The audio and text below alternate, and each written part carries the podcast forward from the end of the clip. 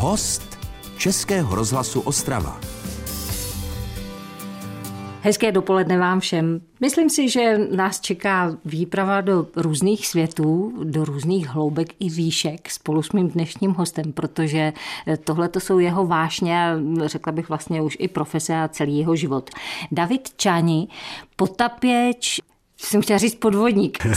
No, to možná pod, taky. pod tou vodou toho strávíte hodně. Dobrý den. Dobrý den.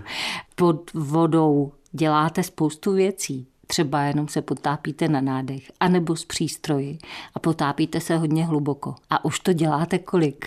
No dělám to, já nevím, asi od nějakých 17 let, takže asi 30 let skoro, no.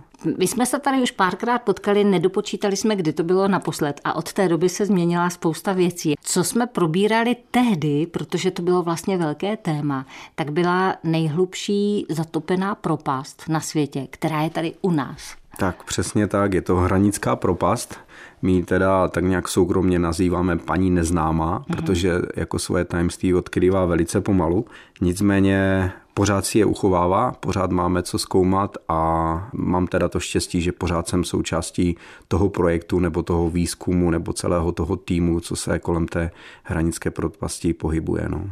Tehdy šlo o to zkusit ji nějak změřit a už je změřena? Taky, taky ono v podstatě, ona se měří tak nějak postupem času pořád, akorát samozřejmě moderní technologie umožňují jít do větší hloubky a lépe to dokumentovat všechno. Takže ano, povedlo se, já nevím teda právě, kdy jsme tady přesně byli, ale vzhledem tomu, že už byla ta nejhlubší zatopená jeskyně na světě, tak to bylo tehda asi 404 metrů tím pádem. Teď vlastně loni na konci léta jsme ji posunuli ještě dál do nějaké hloubky 450 metrů. A co je teda úplně jako super, je to, že v podstatě v těch prostorách, kde jsme byli, tak to ukazuje, že ta jeskyně pokračuje pořád dál. A stále nejste u dna ještě. Tak, stále pořád nejsme u dna nebo na dně ta možnost pokračování tam je veliká, protože v tom profilu ta jeskyně je opravdu veliká. Akorát zase nás trošičku držela technika zpátky, takže zase se přetěsňuje, zase se zlepšuje vybavení a budeme snad letos v letě zase pokračovat hloubš. Čili rozumím tomu správně, že opravdu do téhle té hloubky pošlu nějakou kameru, přístroj, ponorku, nevím, protože tohle už je pro člověka hodně? To už je hodně, to už moc, moc potápitelné tou standardní cestou není, pokud bychom se nebavili o nějakém saturačním zajištěném potápění, jak je třeba, já nevím, na ropných plošinách nebo mm. tak, což je úplně v úvozovkách pro ty, pro nás jako rekreační nebo technické potápění takové science fiction. Nicméně eh, takovou tou klasickou cestou, kdy potápěč si vezme nějakou výstroj, zanoří se a sam se vynoří, tak ty hloubky eh, jsou okolo 300 metrů, ty maximálně dosažené a to ještě většina bych řekl, že tři z pěti pokusů většinou nedopadnou dobře. A navíc, co by jako bylo v, hran, v rámci té hranické propasti, tak ten člověk, který by tam šel, by nešel víceméně jenom na otočku změřit tu hloubku, ale spíš je i v zájmu to trošku zdokumentovat, natočit, naměřit, jo, udělat nějakou mapu, což zase ty eh, přístroje, respektive nějaké ty mini ponorky, velmi sofistikované, tak tam nepotřebuje být ten člověk, samozřejmě je to daleko bezpečnější. Ty možnosti toho měření, toho dokumentování jsou jako dneska úplně neskutečné, takže tu propast máme zmapovanou úplně v 3D maximálním rozlíšení. Uh-huh. Připravujeme vlastně celou propast už teďka, nebo podklady jsou na to, že člověk si to bude moct v uvozovkách na suchu propotápět až do té, do té 450 metrové hloubky. A pochopila jsem tedy správně, že je rozdíl mezi tím potápět se v jeskyni a potápět se třeba v moři nebo kdekoliv jinde? Ten rozdíl určitě ano je. Já zas bych to tak nějak moc nenafukoval. Jo. Prostě, prostě se potápím, jsem potápěč asi na těch všech úrovních toho potápění, jo, protože dělám jak teda na nádechové potápění, tak i přístrojové potápění, ať už učím nebo dělám sám pro radost, většinou to technické potápění, ať už je to spíš zaměřeno na ty hloubky nebo na ty jeskyně, a nebo když nedělám tyhle ty činnosti, tak se živím nebo dělám tak jako pracovní potápění. V pracovní podstatě potápění, na všech... pardon, obnáší co? No v podstatě úplně všechno to, co se dá dělat na suchu, se dá samozřejmě omezeně nebo s nějakým, s nějakým lepším vybavením dělat i pod vodou, takže úplně co vás napadne. Samozřejmě od nějakých revizí, kontrol, přes opravy, betonování, pálení, svařování, no, natírání. Jako ono se vždycky vodou. většinou snaží dělat všechno pro to, aby se to nemuselo pod tou vodou dělat, ale když už není zbytí, tak na nějaké, nějaké drobné opravy, udržby určitě ano. No tak dneska to bude hodně pod tou hladinou, teda s Davidem Čaním, to je vy se neskloňujete, jsme se o tom bavili teď dlouze, ale teď, teď mi to jinak nevyšlo. To je host Českého rozhlasu Ostrava. Český rozhlas Ostrava, rádio vašeho kraje.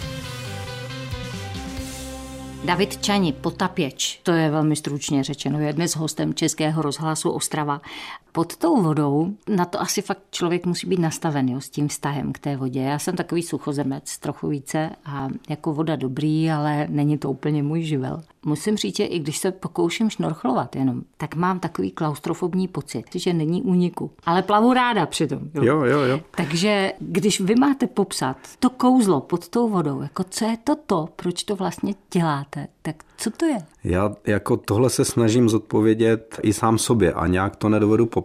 Ten pocit vůbec jako všeobecně, že jsem pod vodou, nemusí být vůbec jako dobrá viditelnost, nemusí tam být na co koukat, prostě jenom ten pocit, že tam jsem. A zažívám v úvozovkách ten stav bez tíže, jo, že, že se tam nějak vyvážím neutrálně, si tam jako plavu, ať už na nádech nebo s přístrojem, tak je to já nevím říct, jako strašně naplňující, nebo jo, cítím se prostě jako velmi dobře pod vodou a mnohdy to mám i takový jakože únik, co bych šel udělat, no, no nic, tak půjdem potápět, že, když, když nemusím, ale jsou to těžko popsatelné pocity, prostě se cítím dobře pod vodou. Vy tam pod tou vodou mnohdy děláte nějaký úkon, nebo tam jdete za nějakým úkolem, za nějakou prací. Když si to člověk teda jde jenom užít, jakože si prostě potřebuje pobejt pod mm-hmm. tou vodou, tak je to jinak? Určitě ano. Jo, já třeba, když, když jdeme jako pracovně pod vodu, tak, tak jak říkáte, jo, je tam nějaký úkol, je tam nějaká činnost, co se musí udělat. Mnohdy i to pracovní potápění je hodně o improvizaci. Jako velice rychle zapomenu na to, že jsem vůbec pod vodou. Kdy jste se bál, nebo kdy to bylo o ústa? Bál, no bál jsem se. Z hodou okolností to bylo třeba i na konci roku loňského, když jsme, když jsme s Parťákem dělali nějakou práci pod vodou a byl to takový odvodňovací kanál, jo. Ta technika technika, vzhledem tomu, že jako mrzlo, tak už byla hodně na hraně, takže to zamrzalo, chvilkama to přestávalo dávat ten vzduch, takže to bylo takové, že trošku hoňka byla, ale zas to nebylo nic, co, by, co bych si říkal, jo, tak tady teďka skončím, jo, nebo není, není to dobré, ale byla to samozřejmě nepříjemná situace. Co byla jako blbá situace, tak se mi stalo párkrát nebo asi dvakrát ta situace v jeskyních, kdy v té jedné teda jsem se tak nějak trošku zasekl a nešlo to ani tam, ani tam a navíc to bylo takové takové zaseknutí jako vyloženě hrudníku, kdy jako už nešel udělat ten plný nádech, což mi třeba v průběhu ponoru ani nějak extra nechybí, ale jednou za čas prostě takový ten se to úplně se dodechnout, jako je fajn, když to je takové hodně těsné ty, ty prostory, a tam mi to chvilku nešlo a trvalo jako nějakou dobu, než se mi povedlo s tama vyprostit, tak, tak to byly takové takové potom možná i tady v Moravském krasu v jedné takové jeskyni, kde jsem šel, on se tomu říká jako prvoprůnik, když tam jdete poprvé a nikdo tam před váma nebyl. A už, už tak to bylo na hraně, že byla ta výstroj hodně osekaná a bylo to v podstatě jenom v mokrém neoprenu, hodně studená voda, nulová viditelnost, hodně těsný jako prostor, že nešlo mi třeba ruce vedle těla, ale jednu nahoře, jednu dole. Jedna lahev musela být nad hlavou, druhá pod tělem, takže to bylo takové pasírování se. No a taky už to bylo takové, že přes některé pasáže jsem se vyloženě tam snažil protéct ve výdechu, tak to už bylo takové, že jsem si říkal, asi tady není dobré, dobré moc dlouho pobývat, pojďme radši ven. No, tady asi nemám co dělat teďka. Co tam člověk všechno slyší? Asi hodně sám sebe. Mm-hmm.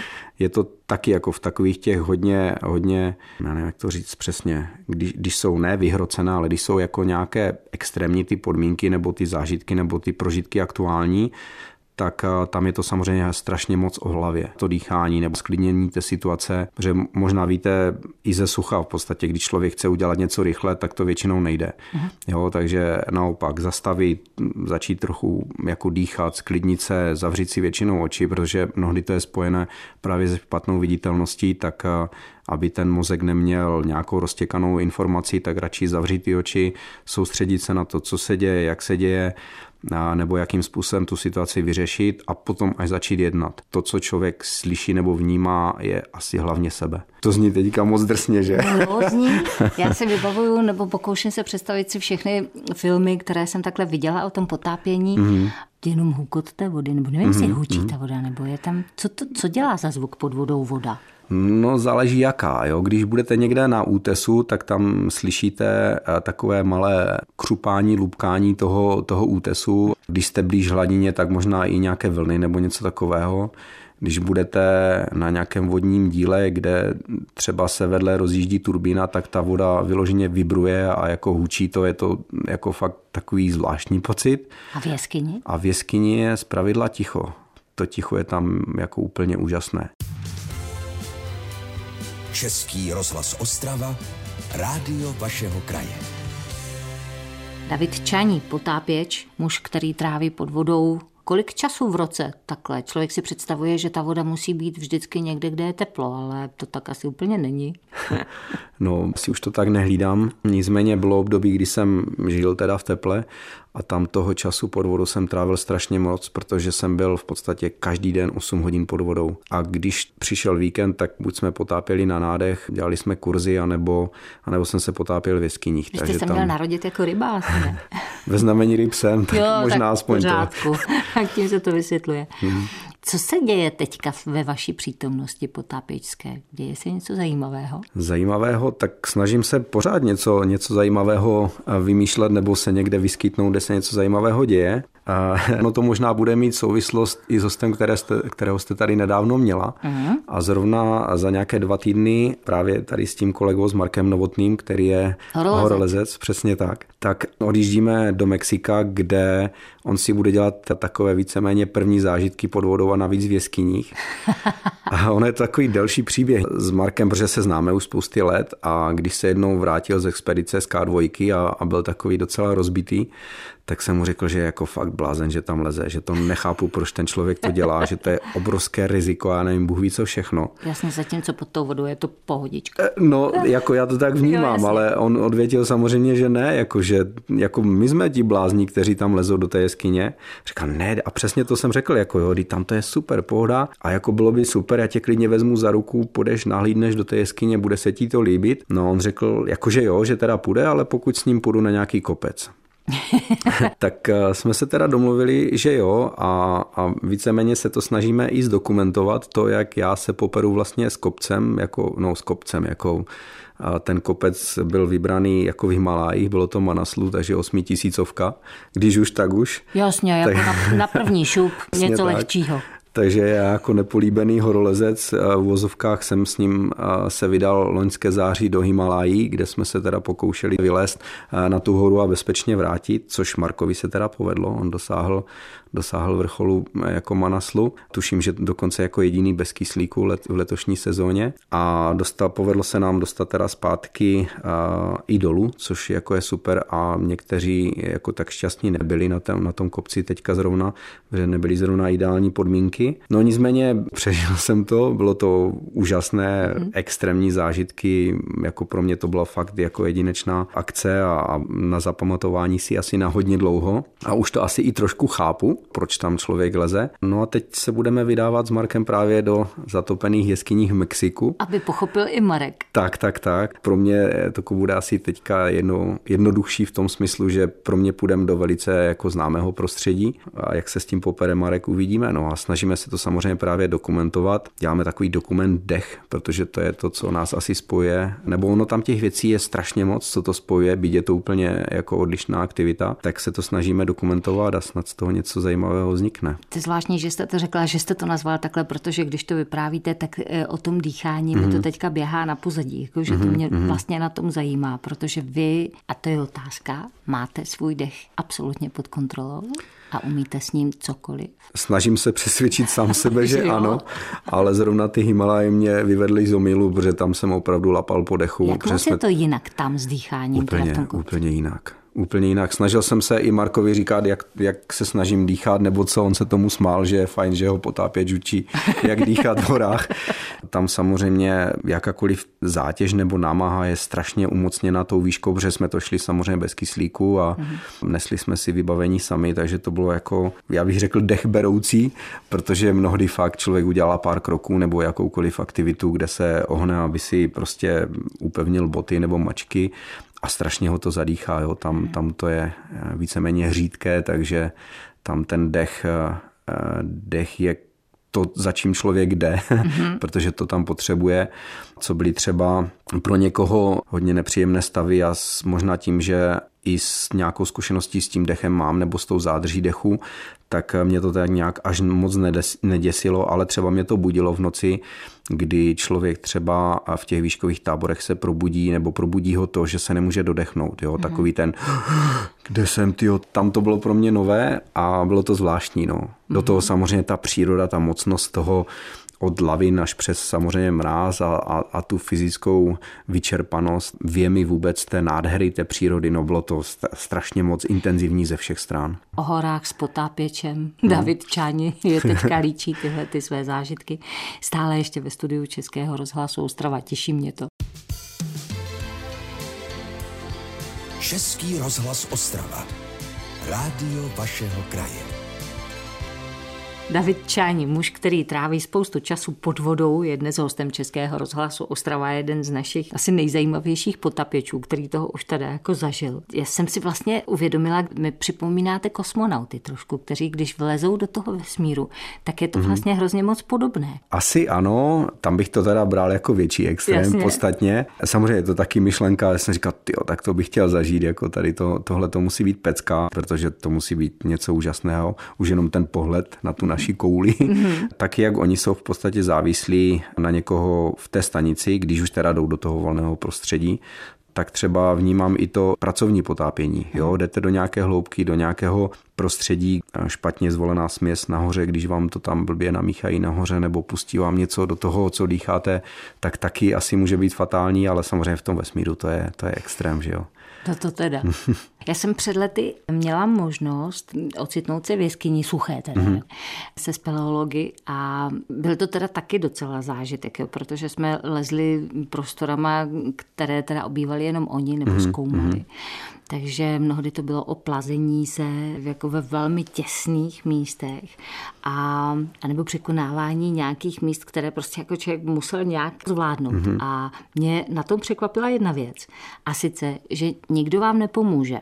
A bylo řečeno, že pokud si nepomůžete sám, nemáte šanci odtamtud výjít. Takže prostě všechno musí být na vašich silách. A pokud je nemáte, tak otočit a jít zpátky. V to jeskyním, asi pravda je. No. no a v tom jeskyním potápění to máte jak? V tom jeskyním potápění asi bude trošku rozdíl, že tam je taky několik úrovní. Jo? Když, když jdete do nějaké jeskyně, která je permanentně vyvázaná, Není tam nějaký blbý sediment, který by se kalil, jo, že ty podmínky jsou v podstatě příjemné, nejdete daleko moc od vchodu, tak je to samozřejmě jinačí, než když potom jdete nějaké explorační potápění, kdy v podstatě třeba několik dnů postupujete tou jeskyní a potápíte se a zase jdete kus a zase se potápíte, tak jak jsem třeba měl možnost být součástí expedice na Sardinii v Bue Marinu, kde jsme šli takhle skrz 25 sifonů jo, postupně do té jeskyně mm. a naváželi se ty materiály a hlavně ty zásoby toho plynu, že jo, co se tam dýchá.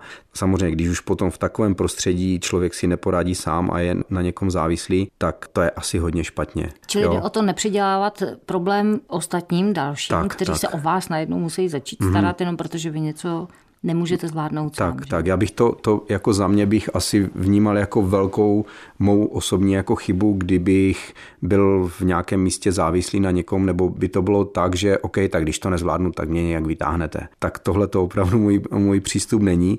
Samozřejmě může přijít nějaký úraz, může přijít nějaká prostě věc, s kterou se jako v úvozovkách nepočítá, ale v čím větší extrému budete, myslím tím jako ve větší hloubce nebo ve větší vzdálenosti v jeskyni, tak tím je to samozřejmě potom ta eventuální záchrana náročnější. Mm-hmm. Protože jsem členem jako tady té potápěcké sekce u, u Spelo záchranky, tak když se to právě simuluje a dělají se nějaké, nějaké tréninkové záchrany nebo ty cvičení, tak mnohdy z těch cvičení se stane ostrá akce. Klobouk dolů před všema, co to dělají a co takhle pomáhají. No. Smím se vás zeptat, máte děti? Mám. Když by za váma přišli s tím, že chci se potápět, co jim řeknete? Mm, aha, už přišli. Ano. Ale v tom mém vývoji jako otce, protože když se narodili, tak říkali, o to budou potápěči, super. A ani nechodili, super, tady mají masku, budou se potápět a to. A pak jsem si uvědomil, že jedna strana je jako jasně, jestli to je bezpečné nebo jako dobrý v rámci toho lidského vývoje, jako toho organismu, ale na druhou stranu jsem si říkal, že přece člověk nemůže do ničeho nutit. Samozřejmě něco zkusili, potápí se, plavou ve vodě, jako na nádech všechno super. Bych chtěl, aby si k tomu nevypěstovali odpor s tím, že do toho někdy nějak někdo nutil, tak to vyloženě nechávám na nich. No vidíte, já jsem si říkala, jestli člověk nepřemýšlí o tom, když ví, co všechno se tam může stát, tak jako raději neponoukat k tomu.